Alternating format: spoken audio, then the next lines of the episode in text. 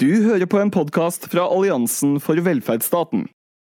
Da er klokken slagen, um, og jeg skal ønske velkommen til uh, dette webinaret om hvordan økonomiske styringsmekanismer og New Public Management påvirker våre offentlige tjenester. Jeg vil først og fremst presentere arrangørene av webinaret. Marit Borg er professor eremita ved Universitetet i Sørøst-Norge, altså USN. Bengt Karlsson er også professor ved USN, og Heidi Haukelien er førsteamanuensis ved USN og styremedlem i Helsetjenesteaksjonen. Kenneth Arktander Johansen er daglig leder for RIO, en landsdekkende brukerorganisasjon på rusfeltet. Gro Beate Odinsen er psykisk helsearbeider, og Helene Bank er fungerende daglig leder for, for velferdsstaten. Mitt navn er Dagny Adriansen Johannessen, og jeg er styremedlem i Foreningen for sosialpolitisk arbeid. Bakgrunnen for vårt engasjement er vår bekymring for hvordan nettopp New Public Management har endret våre offentlige tjenester siden det kom til Norge på 80-tallet. Enkelt fortalt er metodene og prosessene som benyttes i New Public Management hentet fra det private næringslivet og basert på nyliberalistisk økonomisk tenking. Hensikten var å effektivisere tjenestene og redusere kostnadene. Men den økte kontrollen av, av arbeidet som ble utført i førstelinja, har heller resultert i lavere tillit til og spillerom for fagpersoner som jobber i tjenestene. Kontrollen er knyttet til måloppnåelse, og målstyring i seg selv er jo ikke negativt. Vi skal selvsagt ha mål og måle det arbeidet vi utfører. Å vurdere vår praksis kritisk er også en måte å måle arbeidet vårt på. Det er metodene som benyttes i New Public Management og målene som settes vi er bekymret for. Effektiviseringsregimet gjør at vi måler det som kan måles, og dermed, dermed setter mål som enkelt lar seg måle. Dette påvirker tjenestene, brukerne av tjenestene og de som arbeider i tjenestene negativt. Innleggene i webinaret er derfor delt opp i disse fokusområdene. I det første panelet skal vi ta et historisk tilbakeblikk og høre mer om innføringen av markedsstyring og konsekvensene for våre offentlige tjenester. I det andre panelet er fokuset på innbyggerne og alle oss som bruker tjenestene. Og I det tredje panelet skal vi høre fra ansatte og fagforeninger. Og så avslutter vi dagen med et politisk panel hvor vi utforsker om det er håp for våre offentlige tjenester. Mellom det andre og det tredje panelet vil det bli en kort pause, og det er mulighet for å sende spørsmål i chatten både på Zoom og Facebook. Velkommen til alle dere som er med, og vi gleder oss stort til denne dagen. Så, det første panelet består av tre innlegg om innføring og konsekvenser av markedsstyring i offentlig sektor som en motsats til det helse og omsorg, læring, danning og verdige liv handler om. Vi skal først høre fra Arne Johan Veklesen, som er professor i filosofi ved Universitetet i Oslo. Arne Johan skal snakke om metodens forrang og faglighetens utvisking. Velkommen, og vær så god til deg, Arne. Jeg kommer til å ha særlig helseprofesjonene, for øye i det jeg skal si. Og ståstedet er jo de som er profesjonelt berørt av innføringen av New Public Management. Så jeg har ikke tenkt i dette innlegget å dra opp veldig mye av historikken. Hvordan NPM ble innført i Norge, det kan kanskje andre gjøre. Eller jeg kan eventuelt svare på spørsmål om det. Eh, men jeg skal da konsentrere meg om hva jeg legger i metodens forrang. Ja, vi snakker da om eh, metodens forrang overfor oppgavenes egenart. Vi snakker om formens forrang over innhold, substans. Og vi snakker om eh, kvantitetens forrang over kvalitet. Kvalitet forstått som noe som er basert på utøverens skjønn, opparbeidet over år i profesjonen. Ja, det vi kan si er jo at alle disse variantene over en ny type forrang har til felles at de arter seg som en eh, homogenisering. Og det innebærer også at språket endres. Målestokkene, kriteriene, parametrene som nå skal måle det som utføres, og hvorvidt det er tilfredsstillende, godt nok utført, de kommer fra fremmed hold.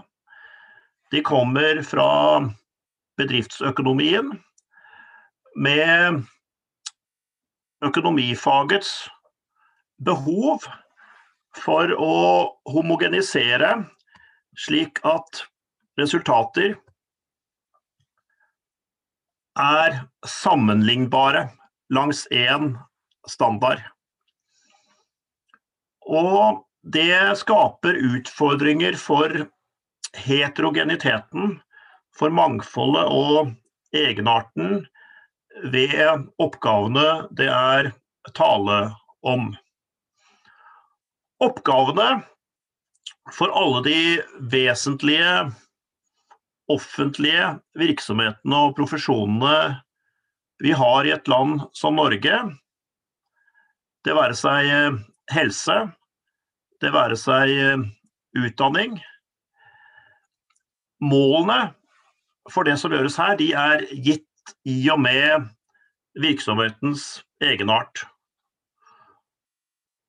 I helseprofesjonene så er det å lindre og bidra til god helse og understøtte liv. Innenfor utdanning så er det læring. Det å formidle til eh, elever kunnskap. Så målene er ikke til forhandling.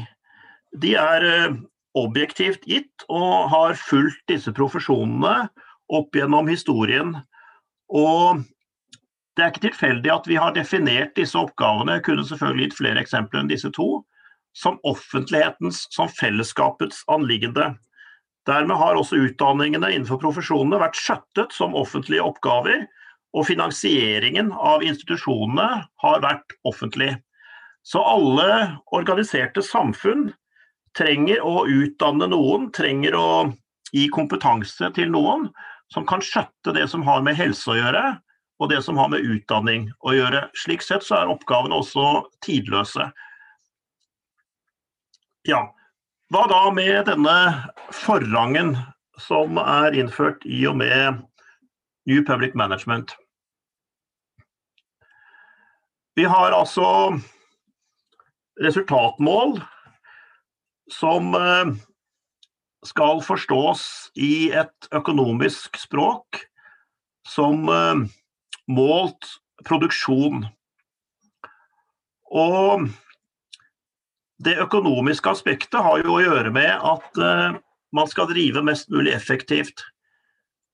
Sånn at effektiviteten skal da økes for å nå gitte mål, økonomisk forstått. Man skal unngå røde tall.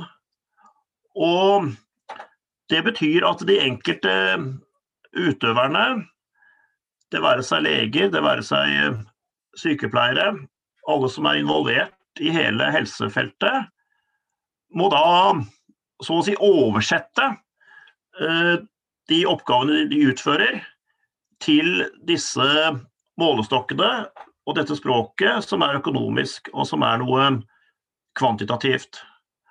Det som eh, skjer da, og dette har vi jo mye empiri på etter at NPM har vært satt ut i livet, f.eks. i de ulike skandinaviske landene, i hvert fall siden 1990-tallet, det er at uh, den enkelte profesjonsutøver uh, kommer i en double bind.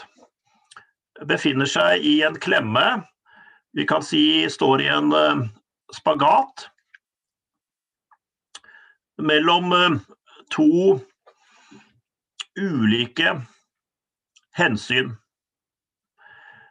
Det ene hensynet har å gjøre med den form for lojalitet som eh, ledelsen av de reformerte virksomhetene nå avkrever av alle medarbeidere til den selvsamme ledelsens mål. Lojalitet overfor å utføre det som kreves for å nå disse gitte målene, som i stor grad er tredd ned over hodet på de som jobber på gulvet, og som skal sette de ut i livet. Den psykologiske doublebinden gir seg av at uh, i praksis så skal de på gulvet ofte gjøre mer, enkelt sagt, for færre midler, for færre ressurser enn tidligere. Og i dette mer så ligger det ikke bare en slags kvantitativ økning, eh, men det ligger også en endring av oppgavene. Og hvordan oppgavene og det som forventes og hvordan det skal måles forandrer seg, eh, det er eh, på sett og vis nå permanent. Altså forandring er det permanente. Og det stiller da store krav til omstillingsberedthet, eller det som kalles fleksibilitet for da å omdanne målene og den nye oppgaveforståelsen og måten å måle de på, eh, etter det som ledelsen til enhver tid eh, avkrever. Så er det at denne lojaliteten overfor det som nå er de gitte målene, kommer i strid med lojaliteten overfor medarbeidernes opprinnelige forståelse av oppgavene og egenarten til det de arbeider med, og dermed i mange tilfeller kommer i strid med deres opprinnelige motivasjon. Vi kan til og med si følelse av kall eller idealisme på vegne av viktigheten av de oppgavene de jobber med, og de de da jobber for. Det være seg pasienter, det være seg elever. Altså så å si overfor den annen part en lojalitet, en forpliktethet, og for at oppgavene som skal gjøres, skal utføres på best mulig kvalitativ måte for denne annen part, det være seg pasienter, det være seg elever. Og Det som skjer i praksis ved innføringen av NPM, det er at det blir en opplevd uforenlighet mellom lojaliteten til ledelsen og kravene om å innfri og bestrebe seg på målene på den ene side, og den lojaliteten som har å gjøre med det kvalitative, hva som rett og slett oppleves som godt nok utført arbeid av den enkelte medarbeider på gulvet, eh, som må svare på en forventning, som må svare på de berettigede krav til det som er godt nok, som f.eks. en pasient har, og som utgår fra pasienten. De kravene som utgår fra pasienten om at det skal være godt nok, er helt andre krav enn de som utgår i et økonomisk kvantitativt homogeniserende språk fra den administrative ledelsen. Det er helt forskjellige logikker som er ute og går, og derfor kan det oppleves som umulig å tilfredsstille begge samtidig. Dette gjør psykologisk at det kan oppleves svært anstrengende og utmattende å forsøke å serve begge former for lojalitet uh, samtidig og over lang tid. Uh, det som kan defineres gjerne i det nye språket som uh, organisatoriske eller administrative eller økonomiske utfordringer, vel å merke ikke problemer, det arter seg for den enkelte medarbeider på gulvet ofte som en moralsk motsetning eller en umulig bestilling å utføre uten å gå på akkord, uten å kompromisse med standards of excellence. Altså standardene for godt nok utført arbeid som er nedfelt i profesjonen, som springer ut av dens egenart. Hva er det vi holder på med akkurat her? Hva er det vi skal være gode til? Hva er det vi skjøtter av oppgaver på vegne av fellesskapet? Og har fått et mandat fra fellesskapet til å skjøtte på best mulig måte. Og det med standards of excellence, det har sammenheng med det første jeg sa om at oppgavene de har en type objektivitet og tidløshet ved seg som vokser ut av fenomenene lindring, helbredelse eller læring. Det er fenomenene som det gjelder å yte rettferdighet overfor, slik de er gitt, for å snakke nær filosofen og teologen Løgstrup. Det er eh, behovet for lindring, for hjelp, for å bli sett og fulgt opp av pasienten, som utsteder så å si appellen som eh, den enkelte sykepleier eller leger forsøker å stille opp på som best han eller hun kan. Og det som da er godt nok svar på denne appellen, god nok oppfølging, det står ikke til den enkelte yrkesutøver å definere så å si individuelt, altså selv på egne vegne, eh, men det er i henhold til standarder for hva som er godt skjønn, hva som er godt arbeid, god utøvelse av kompetansen det handler om. Slik disse kvalitative standardene for hva som er godt nok, hva som er godt skjønn, overleveres fra den ene til den neste generasjonen av utøvere innen profesjonen det er tale om. Så disse Standards of Excellence de har en lang historikk. Og det er basert på en overlevering der nybegynneren lærer av den erfarne.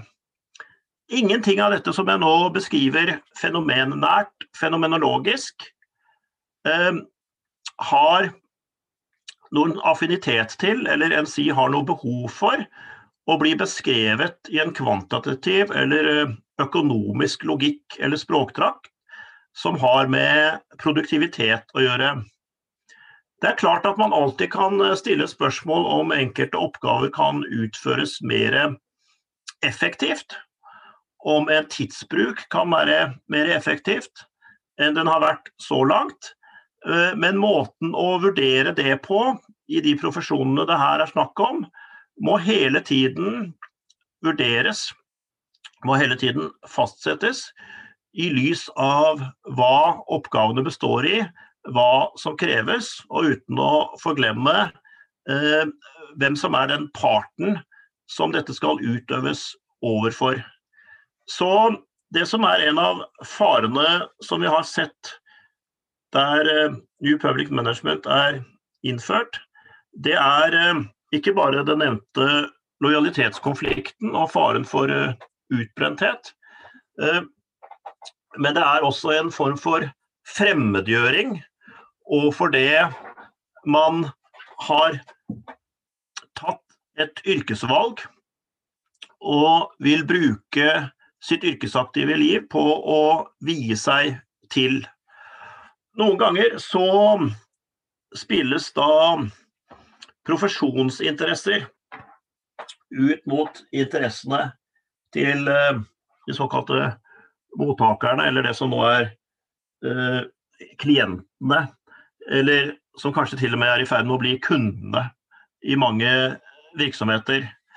Uh, slik at utøvere som ikke viser tilstrekkelig omstillingsvillighet, som ikke viser seg så fleksible som ledelsen ønsker, de kan få høre at de er eh, bakstreverske, de er eh, museumsvoktere. Eh, de lever i en annen tid og tviholder på denne. Og at de kjemper en slags profesjonskamp som da er i konflikt med det klientene nå skulle være best tjent med. Underforstått at klientene er best tjent med de forandringene som innføres i og med New Public Management dette er på en måte frekkhetens nådegave. Og rent politisk og maktmessig så ligger det i dette at uh, de som uh, protesterer mot nye styringsformer eller nye verktøy, målemetoder og krav, de avmonteres. De ufarliggjøres i denne kritikken som en saklig basert, profesjonell kritikk som gjerne da fremsettes av nettopp de som har mest erfaring med oppgavene det er tale om. I noen tilfeller så er det snakk om å omfortolke problemet fra å være et systemanliggende, slik det er hos de som protesterer eller står frem som varslere, eh, til at det er et eh, personlig problem med tilpasning, med å mestre en ny hverdag hos den som varsler. Altså en eh, forvandling av et systemanliggende til et individuelt problem som bare sier noe om den som protesterer, den som varsler, og ikke om saken det varsles om.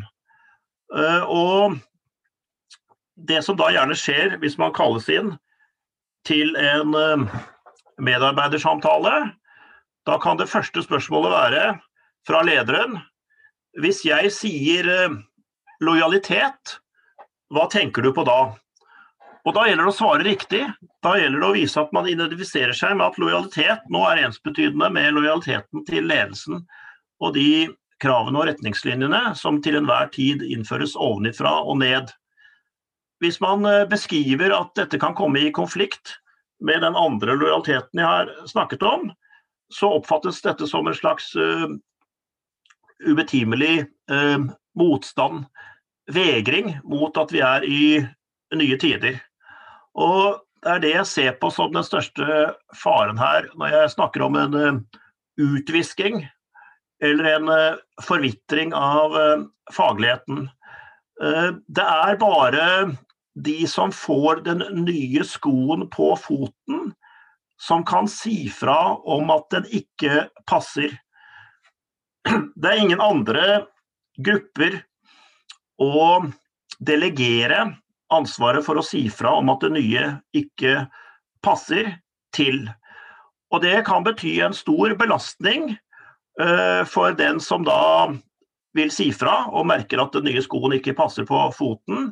Og da er det veldig viktig å motarbeide det som gjerne er ledelsens svar på kritikk, på varsling, i form av eh, individualisering, som er ment da nettopp som en demontering av at det skulle kunne ligge noen makt og være noen trussel bak protesten. Så individualiseringen og ufarliggjøringen eh, kan bare motstås hvis det er et kollegium som bevarer tillit til hverandre, og som slår ring om eh, deres profesjonsinterne historiske standards of excellence, som er det parameteret, den målestokken, eh, de skal navigere etter, og som de er forpliktet til å stå opp for når de ser at den er truet. Så det er veldig viktig å forstå kollegiet som en eh, ressurs for å si fra der det trengs, og motstå at det blir en avmektiggjøring gjennom å individualisere varsel og protest som noe som da bare skal fortelle noe om at her er det en som har problemer med å takle den nye tiden. Da har jeg brukt opp min tid, og da avslutter jeg der. Takk. Tusen takk, Arne Johan. Um, jeg tror mange kjenner seg igjen i det du beskriver om den opplevde uforenligheten. Uh, uforenligheten mellom kravene fra ledelsen i et New Public Management-regime og behovene til de vi faktisk jobber for. Neste innleder er Torgeir Brun Wyller, som er professor i geriatri ved Universitetet i Oslo og leder for Helsetjenesteaksjonen. Torgeir skal snakke om markedsstyring som drivkraft bak byråkratvekst i offentlig sektor.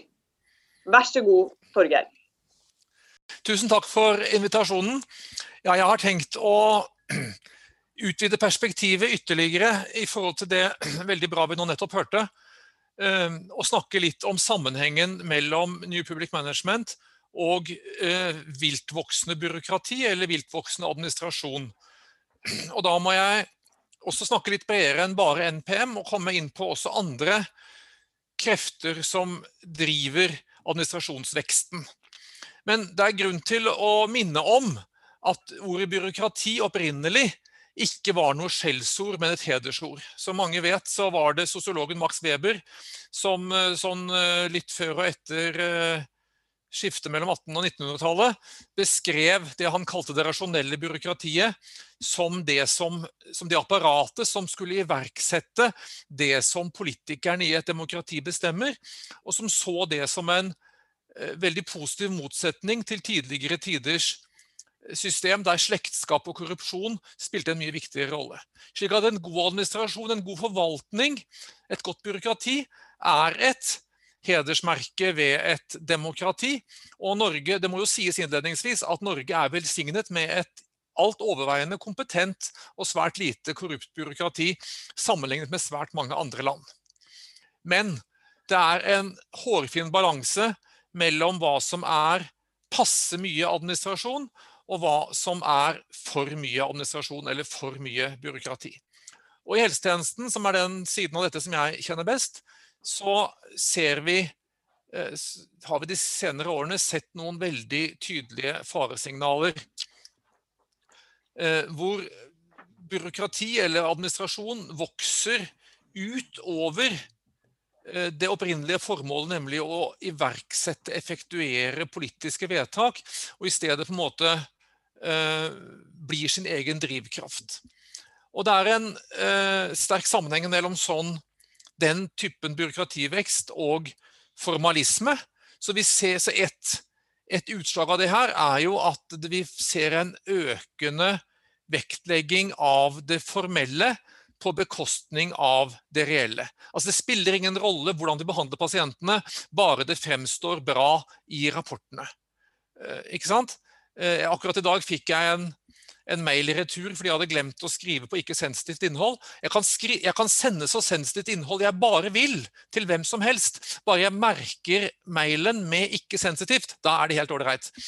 Ikke sant? Igjen bare et sånt veldig enkelt eksempel på hvordan man lager seg ordninger der oppfyllelsen av ordningen blir et mål i seg selv og kommer totalt for, skygger totalt for det som skulle være den reelle eh, formålet med denne ordningen.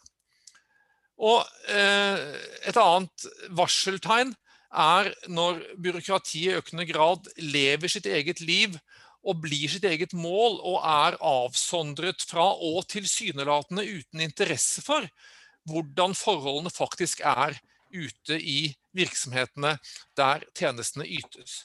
Eh, når liksom eh, administrasjonen får surre rundt i sin egen verden og taper interessen for, eh, for virkeligheten. Det er et faresignal som vi ser veldig tydelig. Og så er det selvfølgelig et problem at eh, altså byråkratiet er på den ene siden den administrasjonen som ut, utøver dette arbeidet, men samtidig er det jo eh, hvor stor andel av utøvernes tid som faktisk medgår til oppgaver av rent administrativt art. Og spesielt i de tilfellene hvor det er vanskelig å se at det er noen relasjon mellom det administrative arbeidet man blir pålagt å utføre, og det arbeidet man primært er ansatt for å gjøre, som f.eks. å behandle pasienter. Slik at det, er to, det er to ting her som er vanskelig å måle. Det ene er på en måte andelen av en virksomhet som driver bare med administrasjon. Og det andre er hvor stor andel av de som egentlig ikke var ansatt for administrative formål, som allikevel må svare ut det, som, det økende kravet om rapporteringer osv. som drysser nedover fra det administrative nivået. Eh, og det fjerde punktet, fjerde varselsignalet, syns jeg, eh, som viser at administrasjon er i ferd med å gå av hengselen eller vokse seg ut over alle rimelige proporsjoner, det er jo nettopp når den samme administrasjonen mister vilje til å evaluere seg selv kritisk.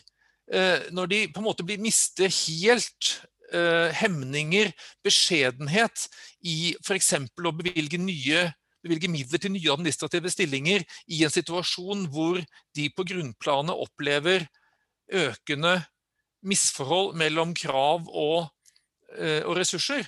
Uh, og så Det som skjer, er at, at administrative lagene vokser og blir flere. Kommer flere og flere oppå hverandre.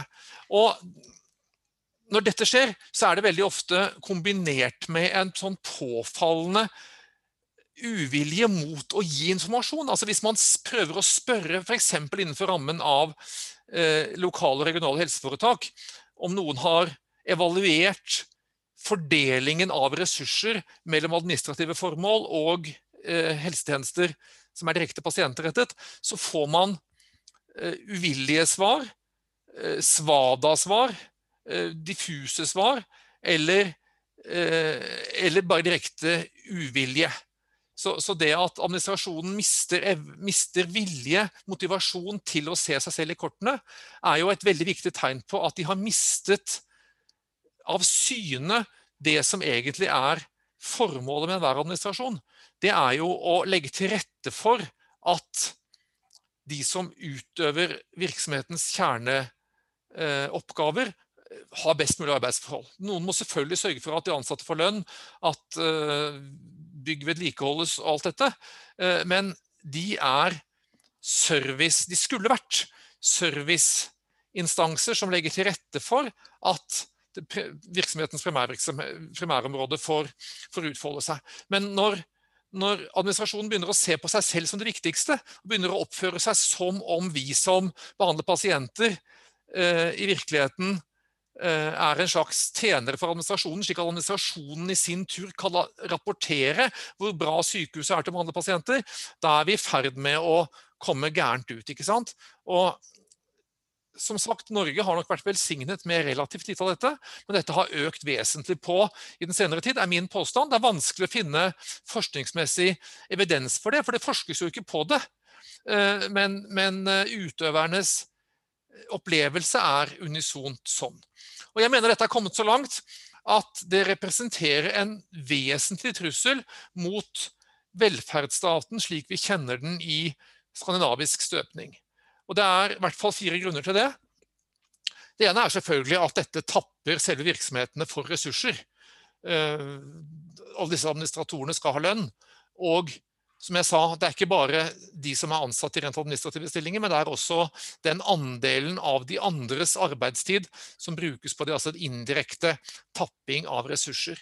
Som selvfølgelig gjør at altså hvis dette blir for mye, hvis dette blir for stort, så, så vil det naturligvis være mindre ressurser igjen til det som er virksomhetenes kjerneoppgaver. Det andre som er minst like viktig, er at dette fører, fører til en uttretting av personalet. Personalet som føler at ikke de blir møtt med tillit, vil automatisk svare med svekket arbeidsmoral, dårligere kontinuitet, eh, kortere ansettelser.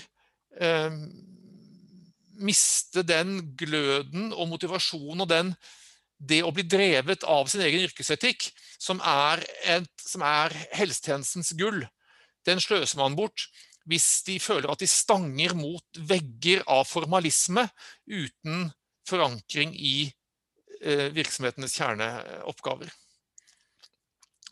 Eh, det rare er, tilsynelatende litt rart, men det er ikke så vanskelig å skjønne likevel, at innenfor en sånn tilsynelatende veldig stram, formell styring, så blir det faktisk også større slingringsmonn eller større manøvreringsrom for småkongene i systemet. For det har vi naturligvis også. Det er jo sant at det finnes mennesker i sånne systemer som er opptatt av å bygge sitt eget imperium i systemet, uten hensyn til verken helheten eller egentlig pasientene, og som kanskje skyver pasienter foran seg. Og Noe av begrunnelsen for administrativ overvekst er jo at vi må få kontroll på det. Man får mindre kontroll jo mer man bygger, fordi de som virkelig blir ekvilibrister i å sno seg i systemet, er jo de som overlever best i et sånt system, som klarer å utnytte det. Som klarer å utnytte det at en sånn overvokst administrasjon ofte mangler oversikt. Eh, slik at man kan eh, Altså, moralen er at det gjelder å sno seg, fremfor at det gjelder å gjøre godt mot de vi er satt til å gjøre godt mot. Og så fører dette her til en eh, tap av tro på demokratiske ordninger. Og eh, populistiske bevegelser som vi liker å mislike, som de gule vestene i Frankrike, som brexit i Storbritannia, eller det at så stor mange amerikanere tross alt har stemt på Donald Trump, selv om han ikke ble gjenvalgt. Alt dette er etter min mening eh, rett nok ganske usympatiske eh, utslag, men av en ganske sunn og berettiget skepsis mot en administrasjon og et politisk miljø som sklir ganske mye over hverandre, som har mistet kontakten med hva det er folk flest er opptatt av og driver med. Man mister tilliten til de etablerte institusjonene og går til populistiske retninger. Og så Hva er driveren i dette? Eh, og nå skal jeg fatte meg i korthet, for tiden går. Men det er jeg er opptatt av at New Public Management er én av flere drivere i dette, men det er flere. Og det blir naivt å tro at dette vil rette seg bare man tar vekk én eh, driver. Men hvorfor drives dette av New Public Management? Jo, det er jo fordi at New Public Management, hvis det skulle fungert eller New Public Management er jo å ta ideer som i og for seg har vist seg virksomme i privat næringsliv som er profittstyrt og innenfor en kapitalistisk ramme, og tro at når du putter det inn i virksomheter som vi i skandinavisk modell driftes av det offentlige, så skal det føre til effektivitet, eh, fleksibilitet osv. Men i et idealistisk, kapitalistisk system så er det jo slik at det er markedet som bestemmer. Og den som tilbyr veldig idealisert sagt, den som tilbyr den beste miksen av kvalitet og pris, får solgt varen sin. Men vi har jo ikke en slik konkurranse, og vi ønsker det heller ikke. Det er, sykehusene har et alt vesentlig monopol. Og da har vi ikke noe marked som kontrollerer forholdet mellom pris og kvalitet. Og da må vi bygge opp et byråkrati i stedet som skal gjøre det, mellom masse kontrollordninger og telling som skal på en måte være grunnlag for igjen en sånn kvasikapitalistisk fordeling av ressurser. Det er en viktig årsak til at NPM blir en veldig driver av eh, byråkrativekst. Og det er en viktig grunn til at byråkrativeksten er så voldsom i en tid styrt av vesentlig høyrepartier, fordi det er høyrepartiene som kanskje tror mest på dette. Men hva er venstresidens akilleshæl her? Jo, venstresidens akilleshæl er jo mistro til at folk kan la seg styre av personlig moral, yrkesetikk, og ikke minst mistro til de tradisjonelt eh, autonome yrkene, f.eks. leger og universitetslærere. Den mistroen blomstrer jo særlig på venstresiden. Og det er jo ikke minst eh, byråkratiet som stemmer Arbeiderpartiet og SV det som måtte være en arbeider, av arbeidere i Norge, stemmer Fremskrittspartiet, for å si det veldig, veldig, veldig, veldig sjablongmessig. Slik at vi må ikke tro at bare vi får vekk en sånn kvasikapitalistisk styring, så vil vi få has på viltvoksende byråkrati. Den pleies sannelig også av venstresiden. Så er det at man har en kullsviertro på de store enhetene, større universiteter, større sykehus osv., er i seg selv byråkratidrivende, fordi at det er tyngre administrativt å drifte store enheter. Det blir lengre uh, styringslinjer, mer komplisert, mer administrasjon.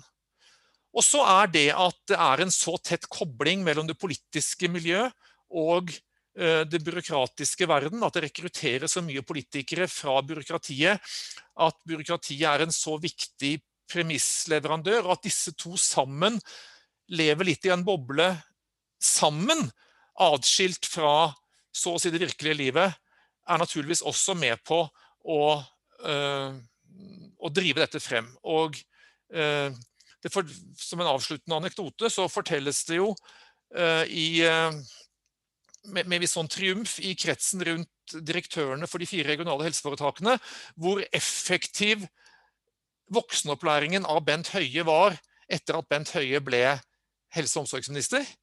Eh, det ikke, dette sier jeg ikke for å henge ut Bent Høie, men jeg tror dette er en sårbarhet som de fleste politikere har. De blir så prisgitt det som deres administrasjon eh, sier. Det blir så risikabelt for dem å komme på kant med sin administrasjon. Og øh, de fire regionale helseforetakene er virkelig administrative mastodonter nesten uten sammenligning med noe annet. Og det var viktig for dem med en gang de fikk en ny helseminister, å fortelle ham hvordan tingene skulle gjøres. Og det lyktes de med. Og Derfor har Bent Høie sittet uten trussel i åtte år som helse- og omsorgsminister. Takk. Tusen takk for et veldig uh, spennende innlegg, Torgeir. Uh, som du påpeker, så er det et problem når det formelle vektlegges i større grad enn det reelle. Da baseres praksisen på formelle krav framfor behovet til de som bruker tjenestene. Bjarne Øverli skal avslutte det første panelet. Bjarne er førsteamanuensis i barnevern, sosialt arbeid og vernepleie ved Høgskolen i Innlandet. Han skal snakke om det kostbare selvbedraget arbeidslinja. Velkommen og vær så god, Bjarne. Tusen takk, og hallo til alle hvor dere nå måtte befinne dere. det er en underlig eh, kommunikasjon, men det, det, fungerer jo fint. Flotte innlegg så langt. Eh, altså, min, eh, mitt bidrag her er et forsøk på å kontekstualisere tematikken veldig knytta til Navs forsøk på å implementere arbeidslinja og sosialarbeidernes posisjon i denne. I dette forsøket Uh, baserer meg vel uh, i, en viss grad på egen forskning og undervisning på sosialfagstudiet på Høgskolen Innlandet. Det beste ved konferanser som dette her, det er jo at det etableres en arena hvor det ikke bare er lov, men faktisk forventa at den skal artikulere seg samfunnskritisk. Og i mitt tilfelle artikulere seg kritisk til arbeidslinja i sin nåværende form. Eh, det ville i de fleste andre sammenhenger være like absurd som å protestere mot årstidene. Og Det er i sånne sammenhenger det egentlig går opp for meg hvor mye vi forventes å ta for gitt. Hvilke myter vi er impregnert av. Og at makt først og fremst blir synlig når du uh, har et konfronterende motmaktperspektiv. Nav-reformen forstått baklengs har ikke vært noen suksess. Og målsettingen om flere i arbeid og færre på trygd har endt opp med det motsatte. Men Nav er som de største bankene under finanskrisa too big to fail, i betydningen fails all the time, men det står for mye makt og interesser på spill til at de kan veltes over ende. Så la oss kanskje da være fornøyde med at etterkrigshistoriens største velferdsreform ble nesten like effektiv arbeidsmarkeds Eh, etat, som tilfellet var før reformen. Eh, selv om en tredjedel av statsbudsjettet må til for å opprettholde forestillingen om at det var bryet verdt. Og de ansatte i stadig større grad opplever at de er til for virkemidlene mer enn virkemidlene er til for dem og for brukerne. Er det harde ord dette? Er det polemiske lettvintheter? Det, det vil jeg ikke si. Jeg påstår at dette er atskillig mer virkelighetsnært enn det Nav-direktoratet og mainstream-politikkens egen problemforståelse representerer.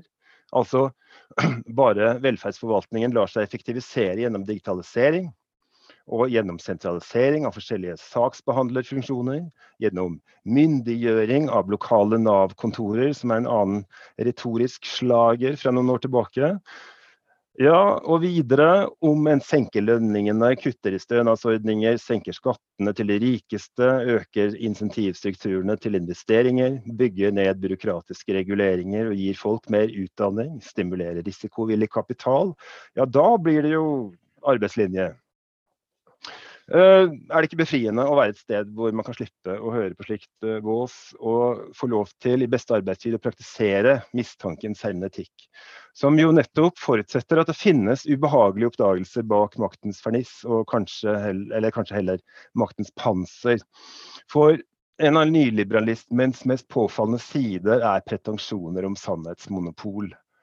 Markedets status har samme gjennomslagskraft som en religiøs myte med sine altomfattende forgreininger av praksisformer og avmektige og kuede deltakere. Som vi har nå hørt snart i 40 år allerede, det finnes ikke noe alternativ til dette. Politikk handler ikke lenger om å skape samfunnet, men om å tjene markedet, servilt og entusiastisk. Og dette er nesten det verste. Alle aktørene i det store spillet om arbeidslinja er tilsynelatende utlevert til en form for nyliberalistisk markedsfundamentalisme som rammer Nav-brukere, Nav-ansatte, de fleste. Vi er ved arbeidslinjas største og nyliberale paradokser. Jo mer en snakker om arbeidslinja, om brukermedvirkning, den enkelte bruker, om økt tilgjengelighet, om arbeidsinkluderingens nødvendighet osv., jo vanskeligere er det å få folk i jobb. Og Det er en veldig stor forskjell på å styre markedet, kompensere for markedets umenneskelige sider og det å tjene det reservasjonsløst. Og Denne forskjellen er sentral i forståelsen av systembetingelser for velferdsstatens innhold og sosialt arbeidsinnhold.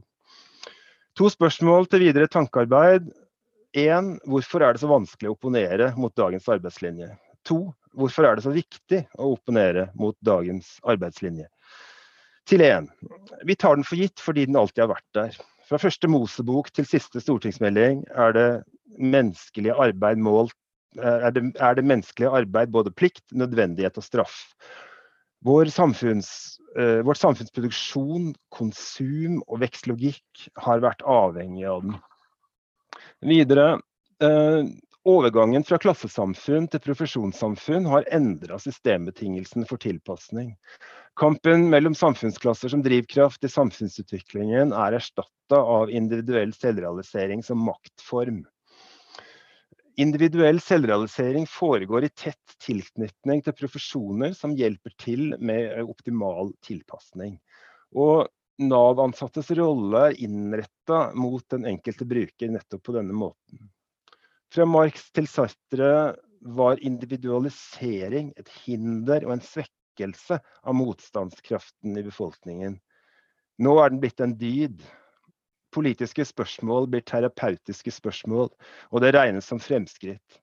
Lønnsarbeid er lik den viktigste akseptable posisjonen den enkelte tilbys i selvrealiseringsprosjektet. Alternativet må bli utenforskap, skam, stigma, ingenting. Til to. I vår velferdspolitiske historikk har lønnsarbeidet vært en del av et sosial- og velferdspolitisk prosjekt. Samfunnsutviklingen var i stor grad preget av arbeiderklassens kollektive interesser og politiske manifestasjon. Og samfunnsmodellen i Norge og Norden var prega av demokrati, solidaritet, fellesskap, offentlig ansvar, sosial utjevning og tillit. Lønnsarbeid var normen, men lønnsarbeidets innhold og betydning ble preget av sterke fagforeninger og en voksende velferdsstat basert på universelle ytelser. Velferdsstaten skulle dempe lønnsarbeidets og lønnsarbeiderens sårbarhet i arbeidsmarkedet gjennom tilgang til sosiale rettigheter. Dette ble en gang regnet som fremskritt. Og Det er her vi ser konturene av det store tidsskillet. Det moderne lønnsarbeidet vokste fram som en del av klassesamfunnets demokratiseringsprosjekt. For premissene for arbeidslinja endres når markedets logikk blir normen. Um, konkret til mitt tema, hva betyr markedsfundamentalisme for Navs muligheter til å realisere arbeidslinja? Og hvilken arbeidslinje er det som skal realiseres? To konsekvenser avtegner seg. Den ene er overgangen fra såkalt welfare til workfare, altså fra velferd til arbeidslinje. Og vi finner en vridning her i retorikken, politisk og forvaltningsmessig, fra sosiale rettigheter til plikter, med en gryende skepsis til nærmest stigmatisering av rettighetsaspektet og en ukritisk forherligelse av plikten. Det å ikke være i jobb blir nødvendigvis gjenstand for økt mistenkeliggjøring. Kutt i ytelser til utsatte grupper ble en slags nødvendig strenghetens tiltaksøvelse ovenfra. For å minne oss om at det kun er toppledere som blir motivert til innsats av penger. Sosialt depriverte blir late og umoralske av sosiale rettigheter enda mer enn de allerede er. Dette er altså ironi men en tydelig lesbar konsekvens av nyliberalismens inntog i det norske velferdssamfunnet. Eh, plutselig er aktiv stigmatisering av utstøtte eh, blitt vanligere enn før. Eh, konsekvens nummer to, den mest åpenbare effekten av nyliberalismen for arbeidslinja, er kanskje den minst påtalte. I alle fall i debatten om Navs kapasitet og målsettinger. For hvordan kan det ha seg det er et faktum at arbeidslinja under nyliberalismen er mindre realistisk enn noensinne. Om lag 600 000 mennesker i yrkesaktiv alder er helt eller delvis utenfor arbeidslivet og mottar ytelser fra folketrygden. Tar vi med dem på sosialhjelp dette i dette regnestykket er vi oppe i et sted mellom 650 og 700 000 stønadsmottakere. 25 eh, av den yrkesaktive befolkningen. Og det er før vi har begynt å tatt snakke om koronaeffekt. Og dette er det mange grunner til, og de er alle sammen på mange måter knytta til markedsmekanismenes egen logikk. Arbeidsplasser blir borte borte gjennom automatisering. Estimatet tyder på at opptil 200 000 jobber ble automatisert bort i perioden 2009 til 2014. Arbeidsmarkedet brutaliseres. Nedbemanning, konkurranseutsetting, fleksibilisering og utflagging svekker arbeidstakernes rettigheter, makt og forutsigbarhet. Konsekvensen er grundig dokumentert nasjonalt, bl.a. i Folkehelseinstituttets dokumentasjon, og internasjonalt, kanskje særlig kjent hos Wilkinson og Pickets, uh, ulikhetens pris. Fysisk og mental helse svekkes av slike tilstander, og særlig hos de mest utsatte gruppene med lav score på alle bakgrunnsvariabler. De som blir sist ansatt og først oppsagt. For dem er arbeidsekskludering minst like aktuelt som arbeidsinkludering i den virkelige verden. Stadig større andel av arbeidsstyrken forlater arbeidslivet gjennom uføretrygd. Dette skjer hyppigst fra bransjer som er sterkt prega av konkurranseutsetting. Det politiske oppdraget under nyliberalismen er åpenbart ikke å bekjempe dette, men å legge til rette for at det skal fortsette med enda større intensitet. Det er fristende å se eh, Navs arbeidslinje i forlengelsen av dette. Den statlige tilretteleggingen blir tilpasning til dagens arbeidsmarked nær sagt for enhver pris.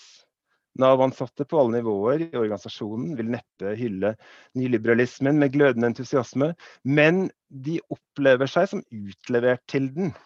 Eh, lojaliteten til velferdsprosjektet truer med å overlappe mot nyliberalistisk markedstilpasning. Ikke minst ved at de tar markedet for gitt, uansett hvordan det ser ut. Og at de faktisk eh, tilsynelatende er nødt til å gjøre det. Samtidig ser vi jo at det ikke blir mer arbeidslinje av dette. Og vi nærmer oss da fortellingens eh, neste paradoks. Slitasjen Nav-ansatte opplever ved å håndtere arbeidsteknikkene for iverksetting av arbeidslinja. Selv om mange brukere ikke kommer i jobb av den grunn.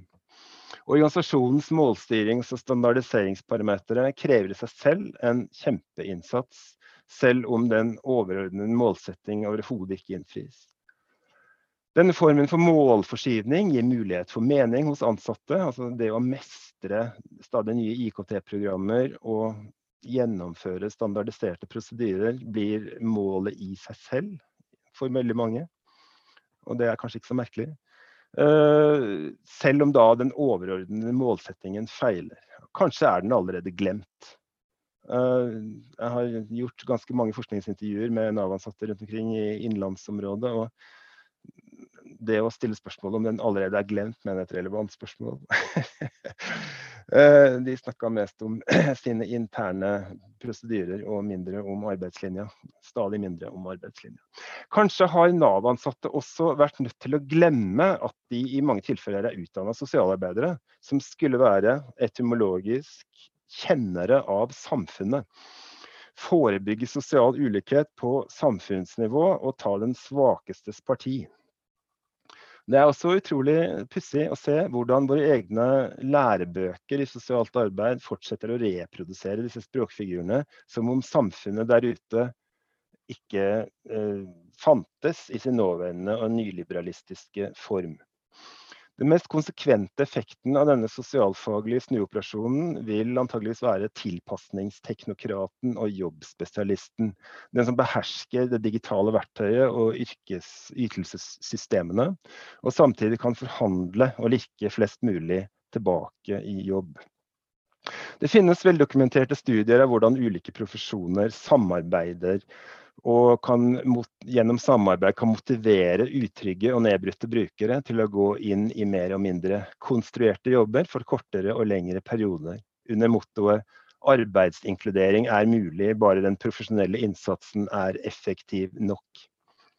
Ville det ikke være mer rimelig å forvente at sosialarbeidere var i stand til å lese markedet som en seleksjonsmekanisme, noe som forsterker sosial ulikhet til fordel for grådighet, samfunnsskadelig profittfokus manifestert ved ideologiske, ideologiske berserker og utilsiktede kostnadskrevende prosedyrer på statens, de ansattes og brukernes bekostning. Da tror jeg jeg har brukt opp tida mi. Takk for meg.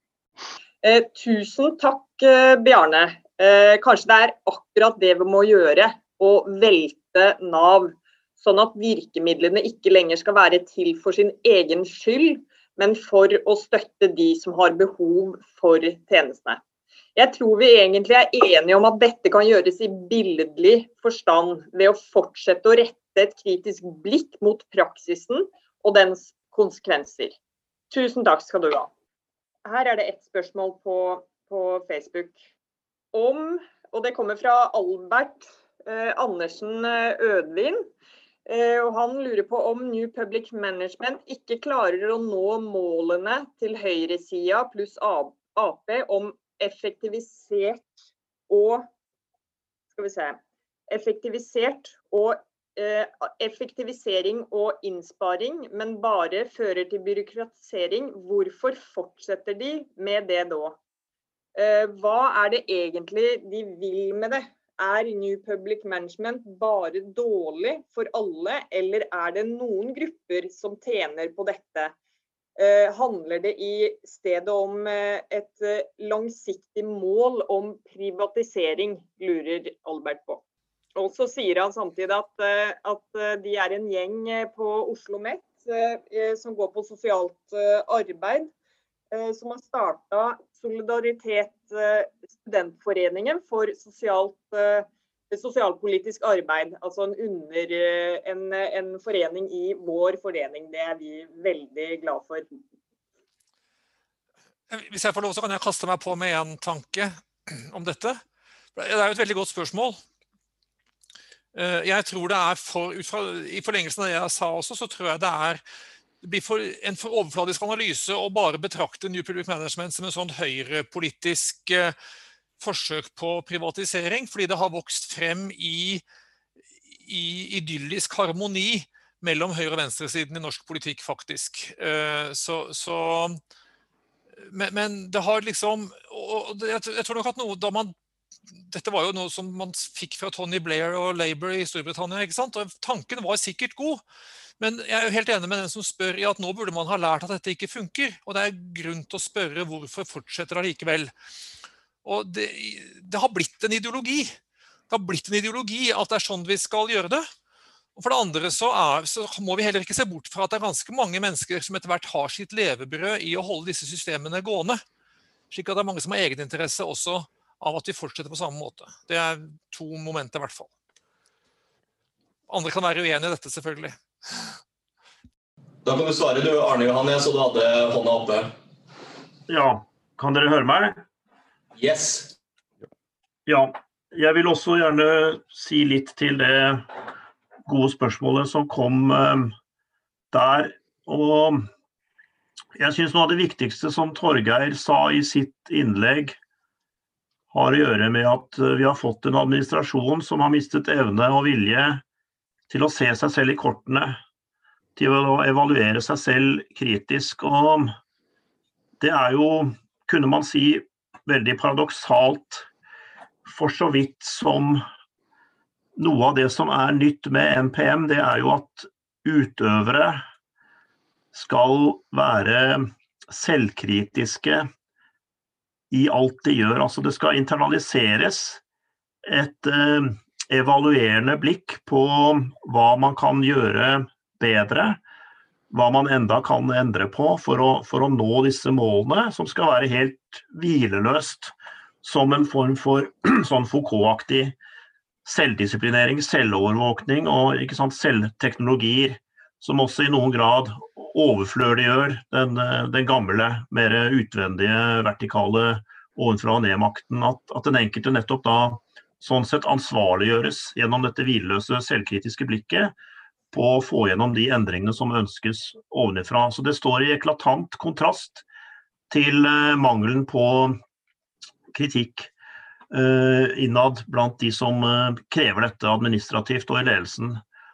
Og det tror jeg har den mer grunnleggende årsaken, hvis vi ser bort fra det som har å gjøre med prestisje, som selvfølgelig også er veldig viktig i dette sjiktet vi snakker om her, og den makten og den egeninteressen de har i å, å fastholde dette, og at man er på rett kurs og sånn. Den dypere faktoren her tror jeg er at Eh, disse reformene og den eh, nyliberale ideologien som de springer ut av, er ufalsifiserbar.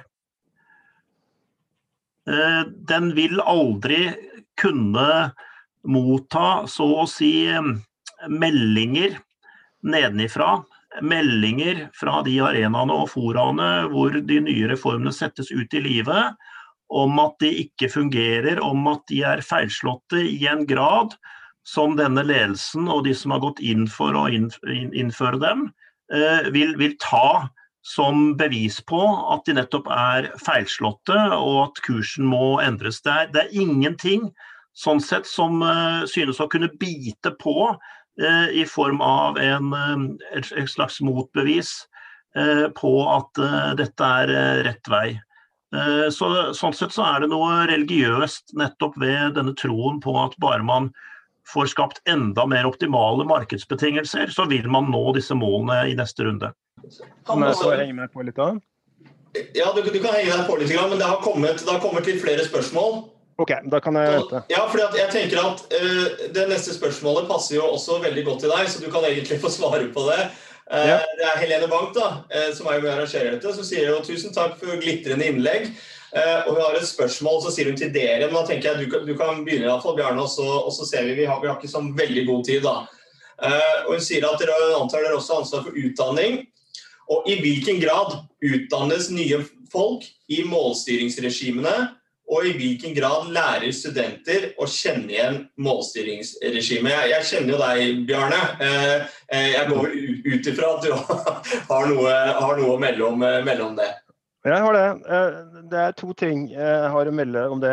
Altså, I pakt med våre etiske grunnlagsdokumenter og generelle radikale holdning, så tenker jeg at vi prøver så godt vi kan å oppdra eh, studenter til å se veldig kritisk på målstyringsprinsippene i velferdsstaten. Eh, men det er et annet aspekt av dette som jeg tenker handler om forholdet mellom profesjonsutdanning, profesjonsidentitet og eh, praksiserfaring når studenter blir profesjonelle yrkesutøvere i f.eks. Nav. Og det, det var liksom da da fortsetter det med å snakke om hva er det som skjer med studentene, nær sagt uansett hva slags oppdragelse de har fått i våre utdanningssystemer.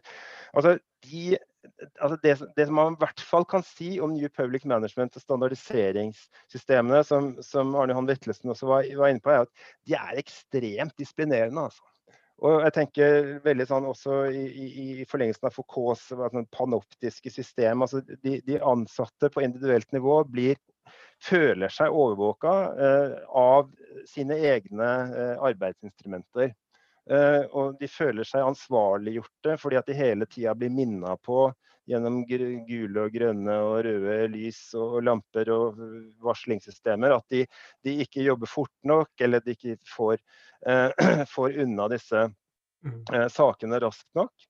Og at eh, de da, som en veldig naturlig konsekvens av det, kanskje ender opp med å si, eh, kunne hake av på Eh, målsettinger som på en måte er sånne underveismål som handler om eh, kontakt med arbeidsgiver, gjennomført, eh, har ringt bruker om målekort osv. Altså, sånne, sånne, egentlig sånne petitesseaktige underveisgreier som liksom egentlig skal være instrumentet for å komme i mål med arbeidslinja, men som da blir hovedmålet i seg selv, nettopp pga. disse instrumentene. Så, så, uansett om de er dysfunksjonelle i forhold til arbeidslinja, så er de ekstremt eh, disiplinerende på individuelt nivå i forhold til profesjonell yrkesutøvelse i sosialt arbeid.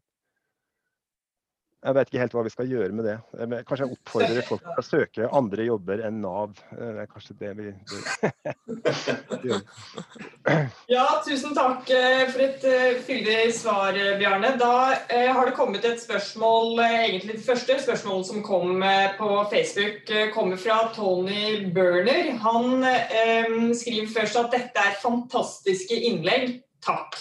Man lurer jo så klart på løsninger når man føler seg så liten i forhold til det store, styre, altså store styremaskineriet New Public Management som gjennomsyrer all tankegang. Han lurer på finnes det eksempler på regioner eller land som har klart å motstå New Public Management, som vi kan lære av. Hvordan skal man begynne? Arnold. Ja, jeg skal prøve å være kort uh, denne gang. Uh, altså i, i, Skottland i, i, Skottland så har de jo fått til uh, en slags renasjonalisering, altså å reversere privatiseringen av helsevesenet, så vidt jeg vet. Så det, det, finnes eksempler i Europa, og det er også interessant at Storbritannia, som var på mange måter det første landet ut, med Tony Blair, som ble nevnt tidligere, og ikke sant, New Labour og Den tredje vei, som har et historisk hovedansvar, nettopp i tillegg til den tradisjonelle høyresiden for innføringen av alt dette uvesenet. Eh, der har også empirien på en måte vært så langvarig, og alle som har sett filmene til Ken Loach, jeg, Daniel Blake osv., eh, til at det har kommet en, en motreaksjon. Men eh, den er selvfølgelig avhengig av at det er også da politiske partier og på det politiske nivået noe som tar disse protestene nedenfra og opp videre sånn at det er mulig å reversere. Men eh, jeg tenker at det er mulig å reversere en del av det som er innført, bare det er mange nok grupper som, som står på og som, som, samarbeider. Eh, det andre jeg hadde lyst til å si eh, til det som Bjarne har vært inne på, det er at jeg tenker det er et, et lite tidsvindu i den forstand at den etter hvert utgående generasjonen av profesjonsutøvere har et stort ansvar fordi at de har opplevd kontrasten mellom hvordan det var før reformene og hvordan det har blitt etter, til å fortelle nyansatte som ikke vet om noen annen luft å puste inn enn eh, markedets, eh, at disse tingene har vi gjort annerledes før. Det er ikke dermed sagt at alt som var før, bare fordi det var før, skal idealiseres og at det var perfekt. Men det er selve den kontrasterfaringen som må gis videre til de unge av de eldre, i, i, mangel av at de unge har den kontrasterfaringen eh, som noe de kan gjøre selv. Så det er et ansvar for å, for å bringe videre, og også for å utvide et, eh, et, et mulighetsrom. Eh, og, og, gi den kompetansen det har og har vært lenge i faget, og har sett endringer som har kommet, og har kunnet eh, se også hva som lykkes, og hva som mislykkes. Og gi det videre til de unge. Ja, tusen takk. Det har kommet et spørsmål til på Facebook, men eh, fra en Anne Line Dahl Gjerdal, eh, eller Gjerstad. Eh, men jeg, vi rekker ikke flere spørsmål hvis vi skal holde oss til tidslinja. Tids, ja. så, så det sparer vi eventuelt på til neste spørsmålrunde.